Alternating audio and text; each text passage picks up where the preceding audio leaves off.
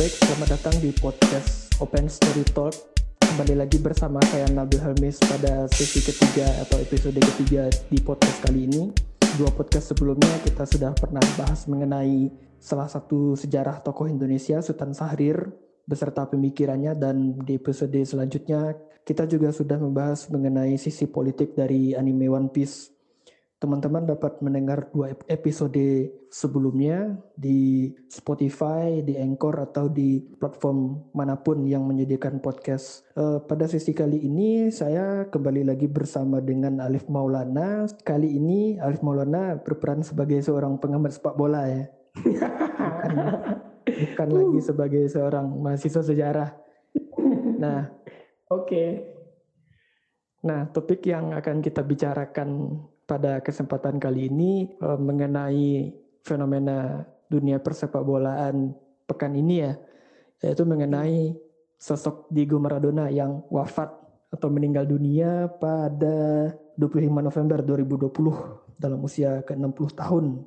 Ya mungkin di luar sana banyak juga beberapa ulasan podcast ataupun YouTube channel ataupun artikel yang juga membahas tentang Diego Maradona. Jadi apa yang kita sajikan di sini mungkin lebih untuk memperkaya aja ya, menambah variasi atau referensi lah seperti itu. Uh, ketika Maradona meninggal dunia itu saat itu saya lagi nonton City. Uh, sebelum Olympiakos kontra City main uh, seluruh pemain ber, apa ya istilahnya bertafakur sejenak gitu kan. Jadi ada ada tulisan uh, mereka sedang memperingati wafatnya Diego Armando Maradona. Jadi wah kaget juga gitu kan. Hmm. Walaupun hmm. beberapa hari sebelumnya sudah terdengar berita bahwa Diego Armando Maradona ini mengalami oh, apa ya sakit gitu kan. Hmm. Tidak sadarkan diri seperti itu. Jadi oh, dia ternyata benar setelah ke lihat di berita ternyata benar Maradona sudah meninggalkan dunia sepak bola untuk selama-lamanya. Meskipun banyak uh, beberapa komentar Twitter dari Messi bahkan juga dari Cristiano Ronaldo bilang bahwa atau mengucapkan ucapan belasungkawa dengan cara mengucapkan abadi seperti itu. Oke, mungkin mereka berpikir bahwa Diego Maradona adalah sosok yang tidak bisa tergantikan dalam dunia persepak bolaan internasional bahkan oleh seorang Lionel Messi sekalipun. Uh, bisa cerita sedikit nggak? Sebenarnya siapa sih sosok Diego Maradona ini? Mulai dari pengalaman pribadi mungkin lebih baiknya ya. Saya ini tahu Maradona pasti seperti kebanyakan orang yang lahir di tahun 95 ke bawah gitu. Pasti tahunya Maradona ini dari gol tangan Tuhan 1986 gitu kan. Jadi setelah itu banyak menonton tayangan bahwa Maradona ini pemain yang hebat, pemain yang fenomenal gitu. Bahkan mungkin salah satu dari sedikit orang yang bisa bermain di empat edisi Piala Dunia beruntun. Saya baru tahu ternyata Maradona pernah bermain di di Napoli dan hanya sekali itu Napoli juara dan karena gara-gara uh, ini, gara-gara Maradona gitu. Jadi saya pikir mungkin uh, berarti memang Maradona ini hebat nih gitu. Karena gara-gara ya satu orang Maradona saja bisa uh, Napoli juara gitu. Karena waktu itu memang Napoli sedang terseok-seok untuk bertahan di Serie A. Tapi setelah Maradona datang, uh, Napoli bisa juara. Saya pikir banyak uh, pesepak bola lainnya yang apa ya yang dia hebat dan bisa membawa karena dia seorang diri bisa membawa uh, timnya juara seperti Alan Shearer mungkin di Newcastle dan Blackburn Rovers. Tapi tidak ada yang seperti Maradona karena Maradona berhasil juga membawa Argentina juara Piala Dunia. Karena Alan Shearer tidak pernah juara Piala Dunia begitu. Ya, menariknya ya seperti yang tadi Alif katakan bahwa Maradona adalah uh, sedikit pemain yang bisa terpanggil dalam empat kali Piala Dunia. Yeah. Dan salah satunya adalah di Piala Dunia 86 yang berhasil hmm. dimenangkan oleh Argentina. Hmm. Eh, Oke, kita mungkin dari Piala, Piala Dunia 78 dulu mungkin ya. Eh, sorry, Oke. sorry. 78 Piala Dunia ya. 82. Ya, 82. Karena 78 Maradona masih belum eh, join ke timnas Argentina pada saat itu kan. Iya, tapi itu eh, saya baca artikelnya ternyata Maradona alasan Maradona tidak dipanggil adalah dalam tanda kutip Maradona belum cukup umur gitu karena baru berusia 18 tahun berarti. Eh, iya 18 tahun. Eh, cuman setelah itu Piala Dunia U20 1979 Maradona berhasil membawa Argentina juara. Jadi mungkin apa ya eh, di, disimpan untuk Piala Dunia U20 Argentina begitu. Sebenarnya Maradona bisa itu bisa masuk skuad 1978 cuman ya mungkin kebijakan federasi atau pelatih mungkin. Tapi beruntungnya pada tahun 78 Argentina berhasil juara Piala Dunia. Oh juara ya? Oh itu saya nggak tahu tuh bang. Belum baca soalnya. Ya, karena di 78 itu kan eh, salah satu legenda sepak bola Argentina juga yang main, Mario Kempes. Oh Mario Kempes. Argentina eh, tuan rumah Piala Dunia di situ 78, kemudian menjuarai Piala Dunia tersebut untuk pertama kali. Oh berarti di Maradona yang kedua kali. Yes, di, di tahun 82, Piala Dunia 82, Argentina harus tersingkir, ya kan? Iya benar-benar. Ya, karena tidak juara dong. Ya, tidak juara. 82 itu Itali kalau nggak salah ya. 82 Itali. Oke. Hanya Paolo Rossi. Oh, Oke. oh, 86 Argentina, 90 itu Brazil atau Jerman Barat? Jerman dong. Ya. 94 Brazil, 98 Prancis, 2002 Iya dong. Brazil. Apa nih yang menarik dari kiprah seorang Maradona di Piala Dunia selain gol tangan Tuhan tentunya gitu. Eh, yang pastinya setelah itu gol setelah gol tangan Tuhan. Eh, Brasil melewati lima atau berapa ya? Lebih dari ya lima lima lima pemain Inggris dan eh, saya pikir itu apa ya? eh, di situlah sebenarnya Maradona mulai menunjukkan bahwa dia sebenarnya adalah salah satu dewa dalam sepak bola karena ya seperti kita tahu itu tidak banyak orang yang berhasil melewati lima orang pemain untuk mencetak gol.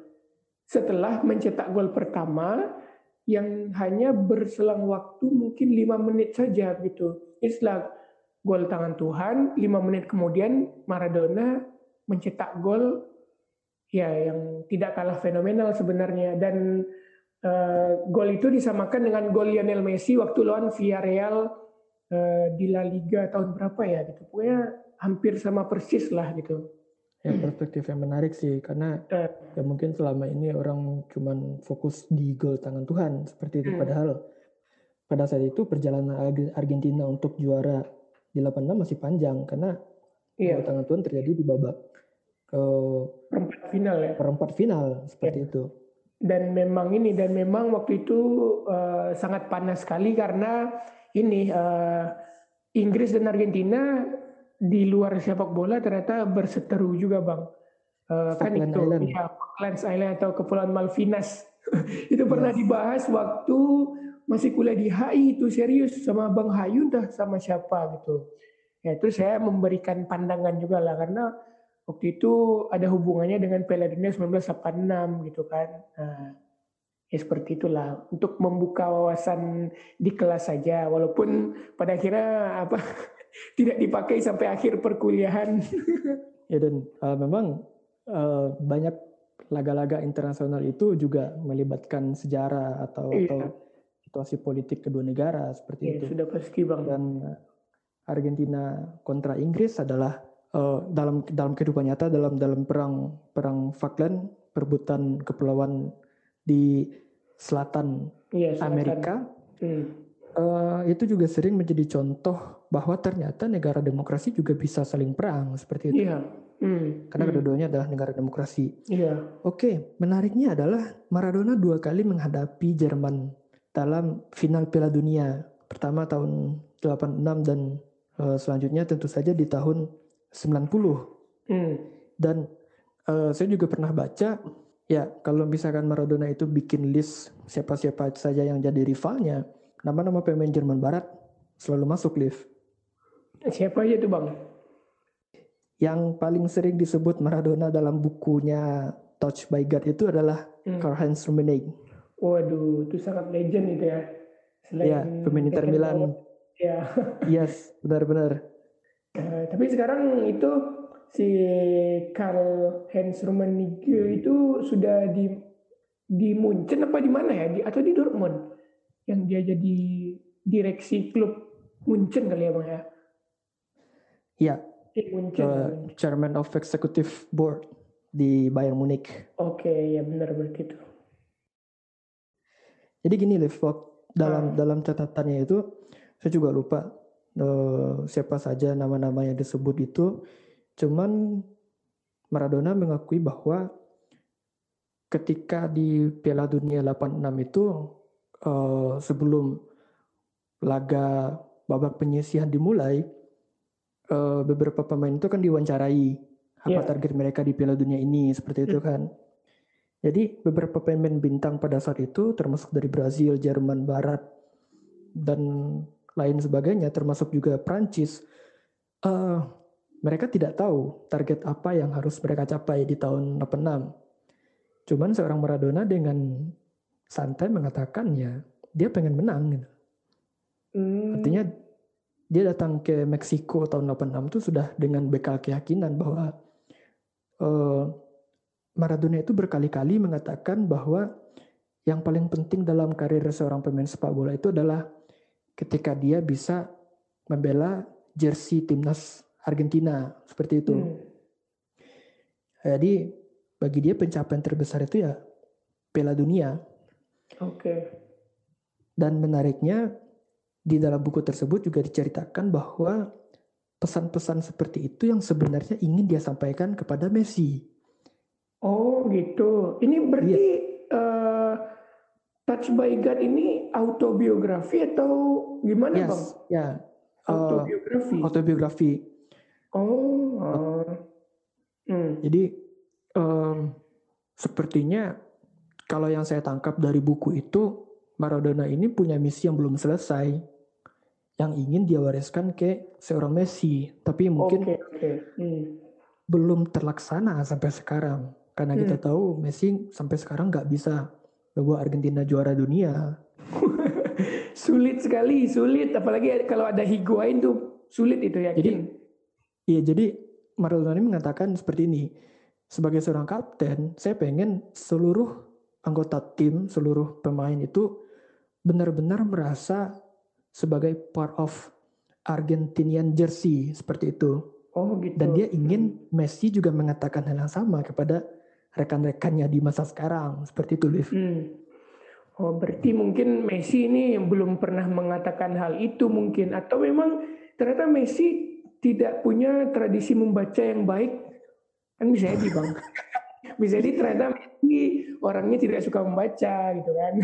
Jadi saja dong Maradona bikin buku dan ternyata Messi bahkan mungkin Messi tidak tahu kalau Maradona bikin autobiografi. Bisa jadi bisa jadi. Mulai ngawur. Mulai ngawur. Bisa jadi kan? Ya apa mungkin fans Deadpool di luar sana juga harus rajin-rajin baca autobiografi gitu kan nah iya benar itu atau gini bang uh, jangan-jangan mungkin karena Messi bukanlah menantu dari Maradona pada akhirnya hal itu uh, ya sulit untuk dicapai karena kan Maradona memilih untuk menikahkan anaknya dengan Aguero gitu kan. Aguero. Nah, tapi sudah bercerai. Ya, mungkin kalau misalnya Aguero uh, rujuk lagi mungkin dengan anak Maradona kemudian menjadi kapten tim Argentina, bisa jadi Argentina 2022 jadi juara Piala Dunia. Bisa jadi. Bisa jadi. Bisa jadi. Bagus dong. bisa jadi kan. Ya, sebagai sebagai fan City ya saya justru senang kalau nah. misalkan Aguero bisa membawa timnas Argentina juara. Iya dong. Tapi setelah City juara Liga Champion dong. kalau City kan mendapat apa ya uh, grupnya sekarang grup ringan gitu kan. Ya, jadi bisa lah 16 besar bisa, udah pasti itu. bisa pasti. Yang sulit itu perempat final. Nah, udah pasti sulit. udah pasti sulit. Oke, okay, uh, back to Maradona.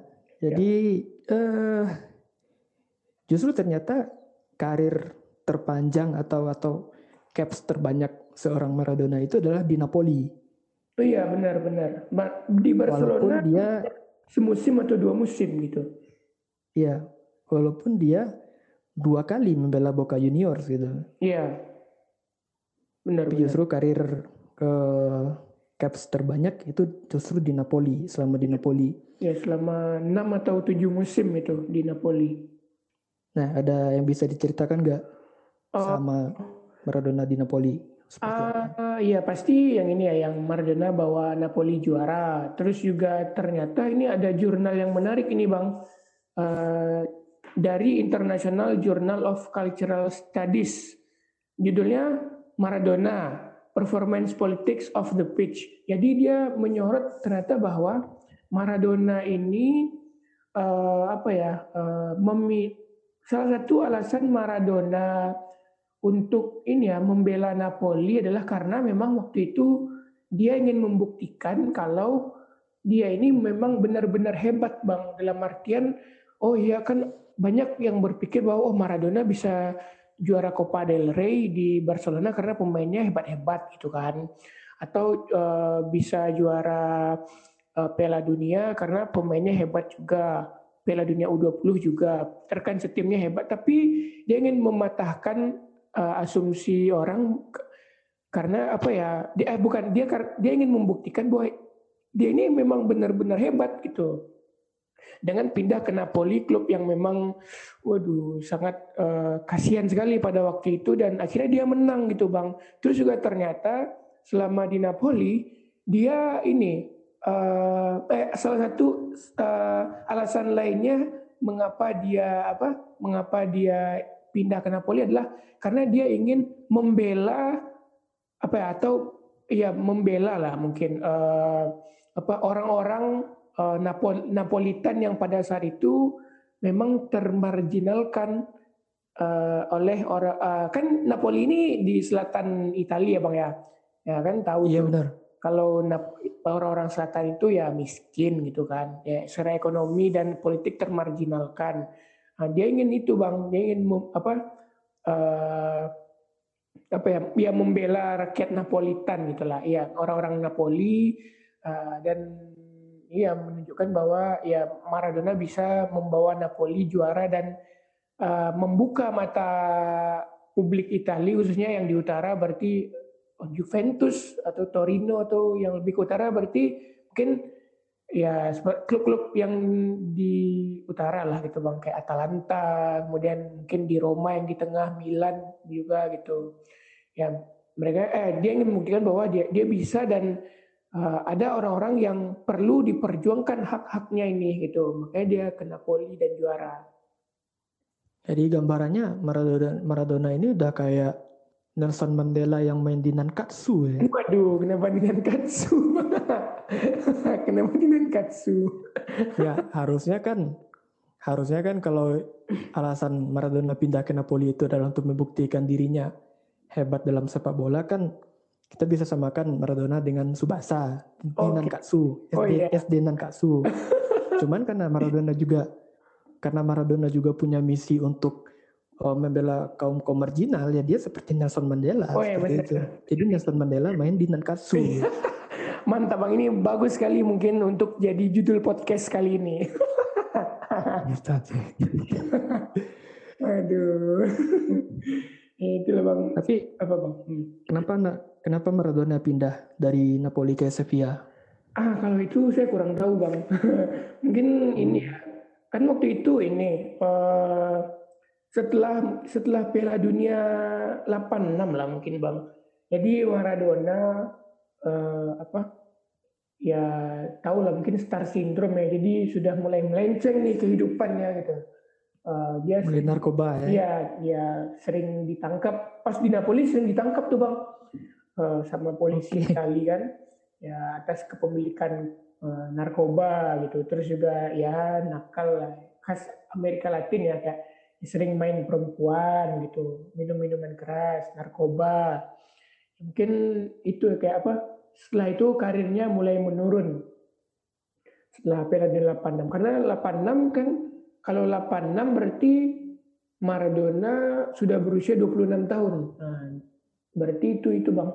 Uh, usia emasnya pesepak bola lah.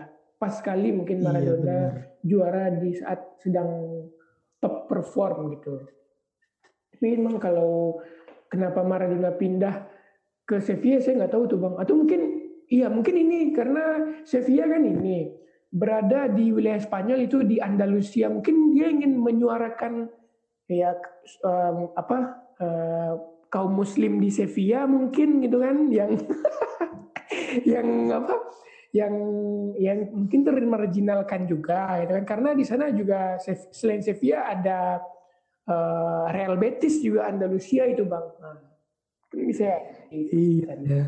ngawur sekali ya. ya ketika setelah saya melatih timnas Argentina Maradona memutuskan untuk pergi ke Dubai gitu ya. Uh, kenapa oh iya benar kenapa bukan di Palestina gitu ya mungkin Ya enggak, enggak maksudnya setelah di Argentina kenapa dia enggak pilih melatih di Napoli misalkan gitu kan, tapi dia justru ke Dubai. Ya oh, mungkin dia bener. terdengar siar-siar Islam apa. Iya itu bang. Ah, terus juga ini bang, yang menarik adalah di jurnal ini, di jurnal yang dibaca itu, memang perilaku Maradona itu sangat ini, sangat di, dinantikan oleh media. Kalau dalam Bahasa sekarang apa sih bang? Media apa sih kalau bahasa Inggrisnya bang? Media apa ya? Newsmaker. Apa bang? Newsmaker bukan? Oh bukan, pokoknya dia itu disayang sama media karena setiap yang dilakukan Maradona itu pasti jadi bahan untuk media gitu bang. Hmm. Apa lupa pokoknya gitulah. Uh, jadi gitu bang. Jadi kan uh, Maradona di jurnalnya itu disebutkan bahwa justru dengan perilaku Maradona yang kontroversial dia di, di apa ya dia uh, disayang media dan sebenarnya Maradona ini sudah menjadi suatu brand internasional gitu bang. Jadi kayak apa? Uh, karena kan bahkan Maradona itu uh, apa ya uh, punya pengikut sendiri, punya gereja sendiri, bukan punya gereja sendiri, cuman fansnya yang bikin gereja Maradona gitu kan. Terus juga apa? uh, dia juga menjadi salah satu tokoh pemersatu di Argentina gitu. Jadi karena apa uh, awalnya gini bang karena semua orang tuh udah udah yakin nih, udah percaya bahwa Maradona ini hebat gitu kan.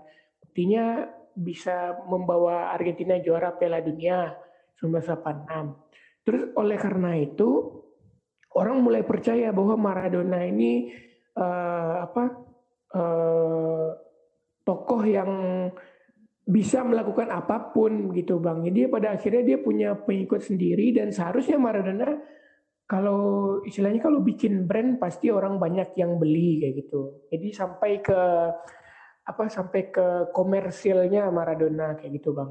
Ya, saya juga menemukan ya ternyata nama ada agama pemuja Maradona ya. Iya, iya. Iglesia Maradoniana. Hmm. Seperti itu. Iya, itu kayak perilaku yang sangat apa kultik ya, kayak mengkultuskan Maradona. iya benar. Ya makanya mungkin Pele ketika uh, mengucapkan ucapan bela sungkawa hmm. atas wafatnya Maradona, Pele hmm. mengatakan ya udah kita nanti main bola di atas sana gitu. Waduh, waduh. Ya mungkin itu bagian dari keyakinan Iglesia Maradoniana tadi ya. Bisa jadi bang, bisa jadi. Nah ini terus bang, uh, menurut abang gini, lebih fenomenal mana sih Pele atau Maradona? Nah. Kalau fenomenal, uh, kalau saya milih sih Maradona sih. Kenapa itu? Kenapa?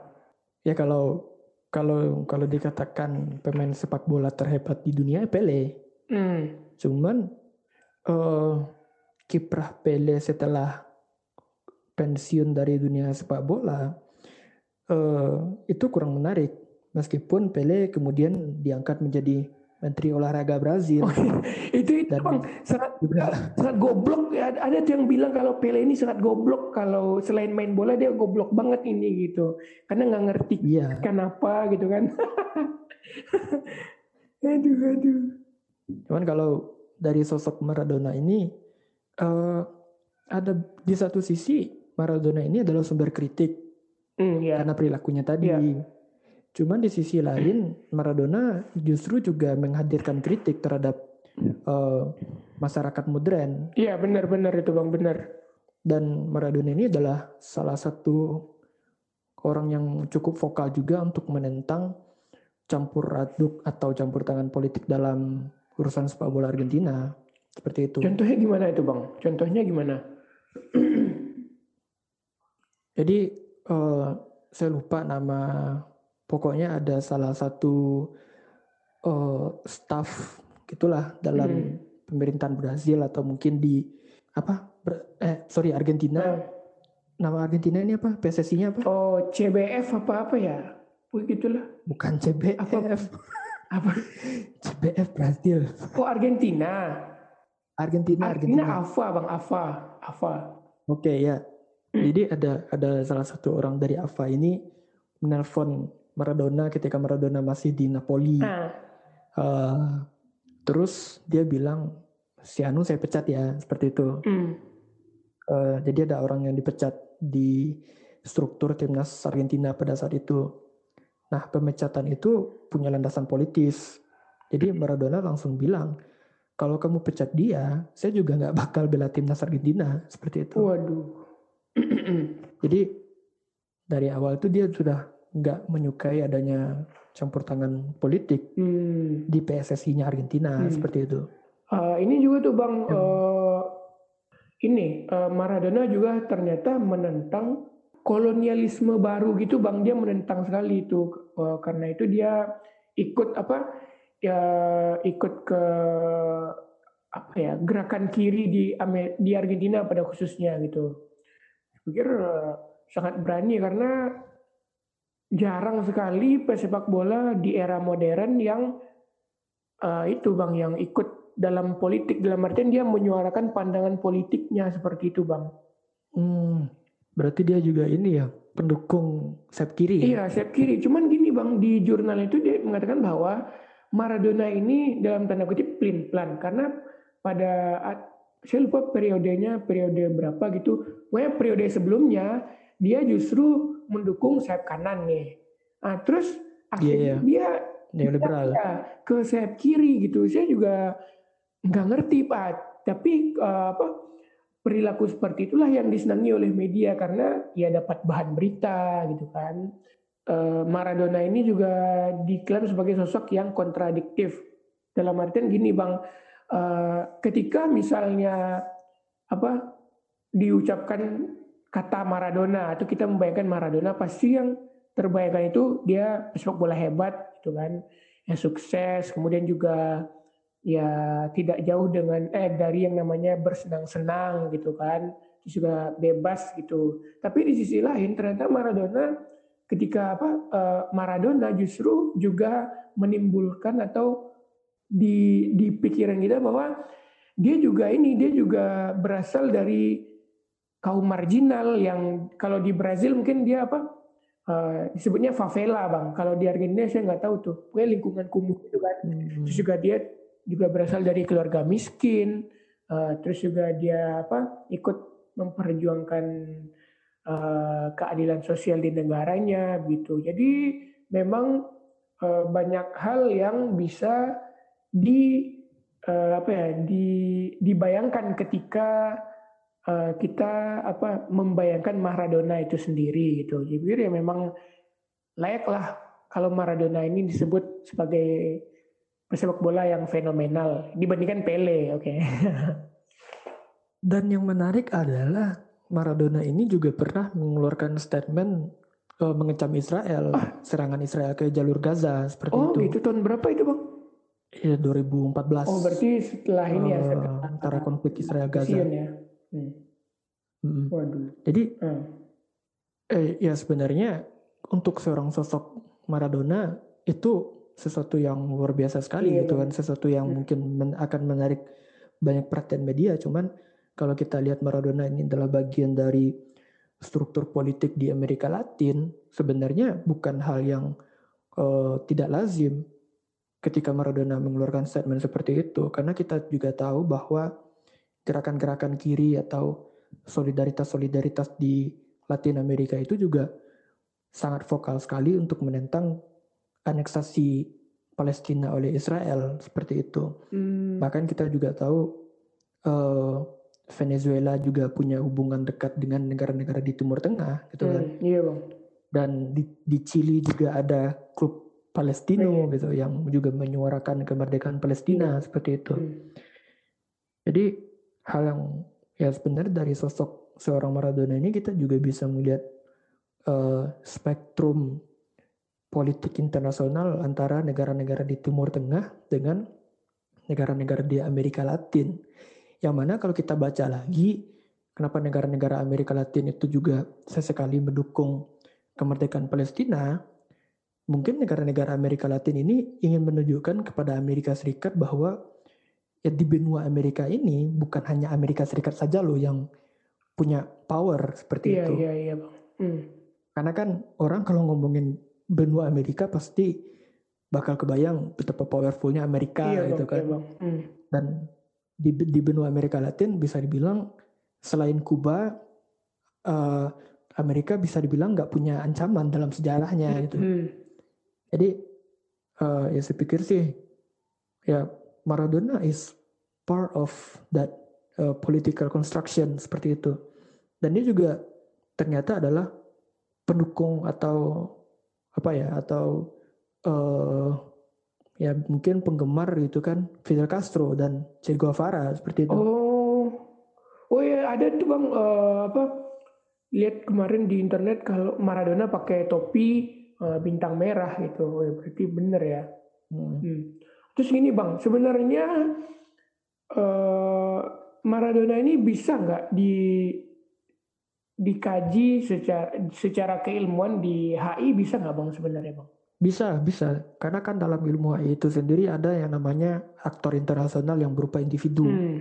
individu-individu yang memang punya pengaruh dalam skala global dan ya karena kalau kita lihat track recordnya Maradona dia juga pendukung Evo Morales dia juga mendukung Hugo Chavez dia juga memprotes perang Irak gitu kan Hmm. perang Amerika di Irak gitu jadi eh, ya Maradona ini bisa kita samakan atau bisa kita posisikan kalau dalam hubungan internasional sebagai aktor individu itu seperti Greta Oh Greta yang ya. yang yang yang ya yang dari Swedia ya kalau nggak salah ya yang menyuarakan isu-isu lingkungan atau kalau di seperti ya Malala juga Malala Yousafzai Yang gitu kan di Afghanistan atau Pakistan bang? lupa sih Oke. mana Berarti memang eh, karena Maradona ini hebat gitu ya bang ya. Awalnya kan dia pasti berawal dari ya dia hebat di sepak bola, tapi kemudian eh, pasti dia setelah itu punya power karena dia hebat, terus banyak orang yang mendukung dia, kemudian dia menyatakan apa pernyataan-pernyataan politik mungkin, nah, terus pada akhirnya dia bisa menjadi aktor internasional. Apakah begitu bang sebenarnya? ya kurang lebih seperti itu hmm. Jadi gak karena dia ini apa ya punya pengaruh lintas batas negara pada akhirnya bisa ya bang ya gitu. Ya benar-benar Oke oke oke.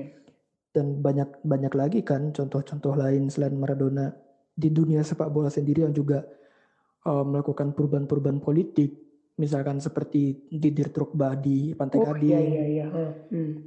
atau seperti Hakan Sukur yang menentang Erdogan seperti itu Serius bang? cuman Kan syukur tentang Erdogan.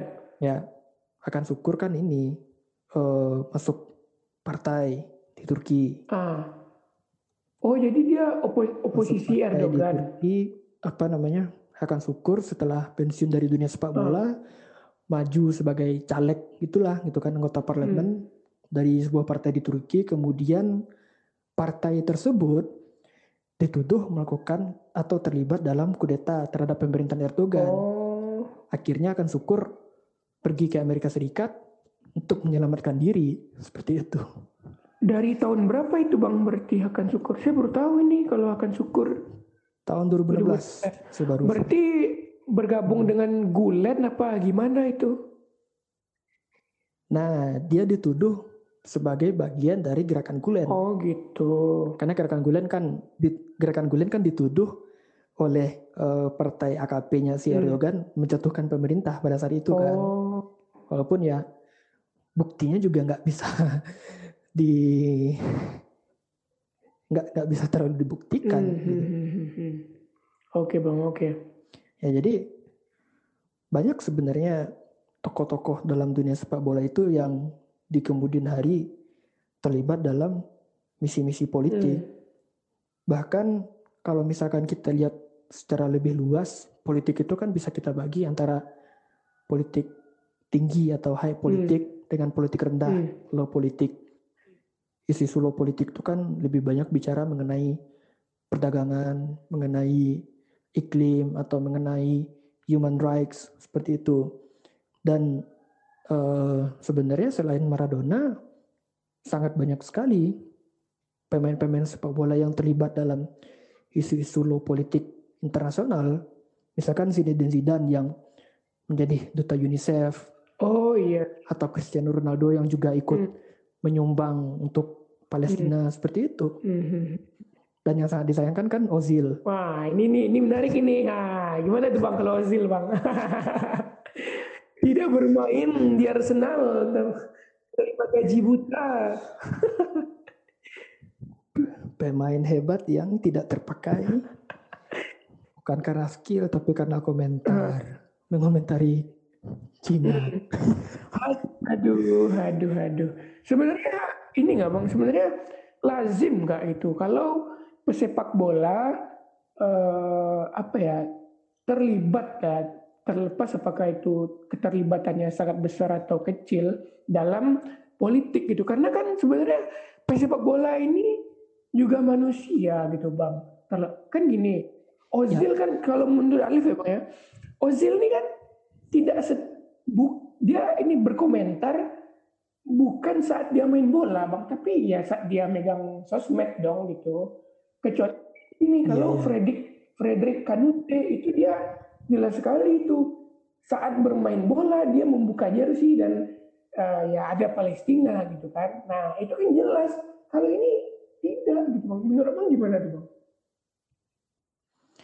Ya, kalau kita lihat pesepak bola sebagai individu kan mereka juga bagian dari society. iya. Dan bagian dari society artinya ya mereka juga bagian dari proses demokrasi atau demokratisasi. Kalau misalkan mereka adalah bagian dari masyarakat di sebuah negara yang demokratis, ya mereka juga punya hak dong untuk menyuarakan eh, pandangan-pandangan Nah. politik. Hmm. Kalau misalkan dan dan dan sebaliknya juga kalau misalkan mereka berada di eh, negara atau struktur politik yang otoritarian, ya mereka juga punya hak dong untuk mengkritisi atau menentang eh, struktur Hmm. tersebut. Dan eh, kita juga bisa melihat bahwa sepak bola ini kan adalah budaya eh, at- atau budaya populer yang benar-benar mendunia. Eh, ya mungkin selain musik gitu kan atau atau film, sepak bola adalah cara lain untuk menyampaikan pesan-pesan Hmm. de- yang akan ditangkap oleh eh, apa namanya oleh masyarakat internasional di level Hmm. global seperti itu. Jadi adalah hal yang lumrah ketika pemain sepak bola juga terlibat dalam langkah-langkah atau dalam tindakan-tindakan untuk mengekspresikan pandangan politis mereka seperti Hmm. itu. Cuman yang jadi per- pertanyaan kan, eh, ya tentu sepak bola modern adalah bagian dari kapitalisme, adalah bagian dari komersialisasi seperti itu. Jadi ketika kritik tersebut dilakukan dan ternyata itu akan mengancam kapital atau atau mengancam pasar seperti itu, ya bakal ditindaklanjuti karena Ozil kan ya uh, Arsenal juga punya basis fans di Cina oh, iya, kan. Bener sih bang, iya. Hmm. itu. Jadi ya bisa kita lihat kebaca di ke sana juga gitu. Ya kalau misalkan yang mengkritik itu adalah bukan Ozil atau mungkin cuman seorang pemain di Universidad de Chile gitu kan. Mungkin gak bakal gak bakal terlalu ini gak bakal terlalu di tidak ini bisa di Persija Persire Persiraja Banda Aceh mungkin gitu kan? kita nah nggak bisa kalau kalau kalau yang yang melakukan hmm. kritik terhadap pemerintah Cina terhadap Indonesia okay, okay. viral karena isu isu oh, iya, Cina iya, hubungan Indonesia Cina di di dalam negeri kan lumayan sensitif jadi ya, pilih okay, aja okay. negara yang hubungannya dengan Cina nggak terlalu uh, penting gitu loh. Jadi kalau kalau dikatakan uh, ya itu kemarin juga jadi catatan di beberapa media gitu kan. Ketika hmm, sepak yeah. bola uh, mengkampanyekan Black Lives Matter gitu kan uh, sejak 2020 uh, kenapa sepak bola juga tidak uh. bisa mengkritik pemerintah Cina terhadap apa yang terjadi di Uighur hmm. seperti itu. Nah, jadi analisisnya itu adalah analisis ekonomi politik. Hmm, makanya Karena tidak Black Lives Matter ini lebih menjual. Gitu. Makanya di hmm, hmm, makanya dibiarkan bahkan difasilitasi seperti itu lebih menjual gitu. Cuman uh, ya kalau kita katakan sepak bola dan politik adalah dua hal yang terpisah, ya mungkin terlalu naif kalau kita melihat kedua hal tersebut um, tidak punya singgungan. Cuman yang kalau saya pribadi yang tidak setuju itu adalah ketika oke oke oke proses dalam sepak bola itu sendiri yang dipolitisasi. Kayak misal untuk menentukan mm-hmm. siapa yang harus dipanggil ke dalam timnas terus uh, ada campur tangan politik ya itu yang nggak boleh gitu loh tapi di luar di luar lapangan hijau di luar dua kali 45 menit ya pas sepak bola mau ngapain aja ya itu mm. uh, bagian dari uh, political benar, rights mereka itu yang tentunya ya mm. harus bisa dipertanggungjawabkan juga dong gitu nggak mungkin uh, mengkritik sebuah negara yang dipandang otoriter atau powerful terus ketika negara tersebut mm -hmm. mengambil tindakan represif terus uh, menyalahkan negara tersebut mm -hmm. ya mm-hmm. secara secara realistis nggak masuk juga dong harus fair berani juga kan ya gitu. harus berani inilah berani menerima risiko gitu Oke mungkin nih pandangan pribadi aja sih menurut Alif apakah Lionel Messi itu sudah setara atau melampaui atau masih jauh untuk mengajar seorang sosok Maradona di luar ini ya di luar oh saya pikir ini saya pikir pasti masih jauh ya. gitu hmm.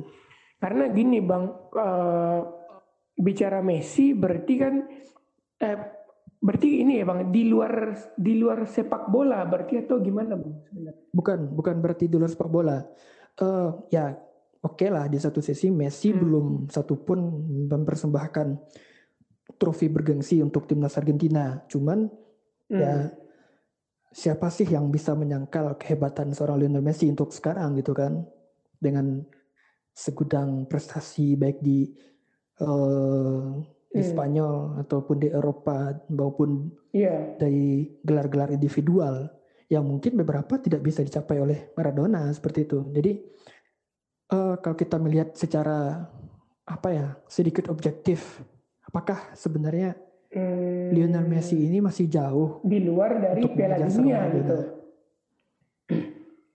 Uh, saya pikir untuk menjadi pasti itu ya iya. Messi tidak akan pernah menjadi Maradona itu pasti itu. Cuman saya pikir kalau misalnya ini apa Messi lebih berani sedikit saja mungkin seperti Maradona, pasti dia sudah setara dengan Maradona nih bang. Nah makanya gini kan, Messi paling kontroversialnya hanya dengan ini dengan Josep Maria Bartomeu itu aja sebenarnya kan itu. Bahkan mungkin kalau misalnya apa gini ya kalau misalnya Messi jadi pindah ke City dengan nilai transfer yang berapa tuh? 700 juta apa 500 juta? Ah ya ke City. Itu saya pikir uh, ya, menjadi juga menjadi tangga pijakan bagi Messi untuk menuju Maradona juga. Karena di luar sepak bola lah bukan ya kayak apa ya di luar itu Messi tidak ada yang apa tidak ada yang menjual dari Messi selain dari ya dia anak baik gitu kan. Ya ini segala macam segala macam itu tidak ada bang. Saya pikir butuh ini butuh sesuatu yang luar biasa extraordinary ya ya bagi Messi untuk setara dengan Maradona. Mungkin bisa jadi Messi mungkin ini ya uh, Iya bisa atau mungkin sebenarnya uh, Messi pindah ke City terus gitu kan, juara Liga Champions Israel. Ah, itu mantap tuh kan kayak gitu. bisa ini kita tuh atau ini uh, Messi mencalonkan diri jadi presiden Amerika eh presiden Argentina kayak Pablo Escobar ah, bisa itu sepertinya gitu uh, ini ya kan sebenarnya setelah membaca Maradona yang menjadikan seseorang itu lebih bernilai adalah hal-hal lain di sekitar dia bukan apa yang dia kerjakan saja sih bang sebenarnya gitu itu sih yang sebenarnya bikin banyak orang yang sangat kehilangan uh, Maradona gitu sih bang kalau pendapat Alif pribadi. Oke. Okay. Ya, iya, poin yang menarik dan uh, sudah hampir satu jam kita membicarakan mengenai Maradona dan seperti biasa obrolan kita juga melenceng ke politik, melenceng ke hubungan internasional dan segala macam. Ya sedikit banyaknya kita sudah uh, yeah, yeah. menyingkap beberapa sisi lain hmm yang mungkin jarang juga diberitakan gitu kan mengenai sosok Diego Armando Maradona. Uh, Oke, okay. ada semacam iya. closing statement? Waduh, ini nih gimana ya? Refleksi. Mungkin ini bang uh, Indonesia gitu. Enggak ada sih kayaknya bang, tidak ada mungkin. Ya biarkan saja lah. Ini nih berjalan. Sudah pesimis soalnya. ya itulah tadi perbincangan kita dengan seorang Alif Maulana mengenai sosok Diego Armando Maradona. Uh, waduh, semoga obrolan seperti ini ada sesuatu yang bisa didapatkan gitu kan. Ya, sampai jumpa di sesi selanjutnya. Thank you for listening our podcast. See you next time. Bye.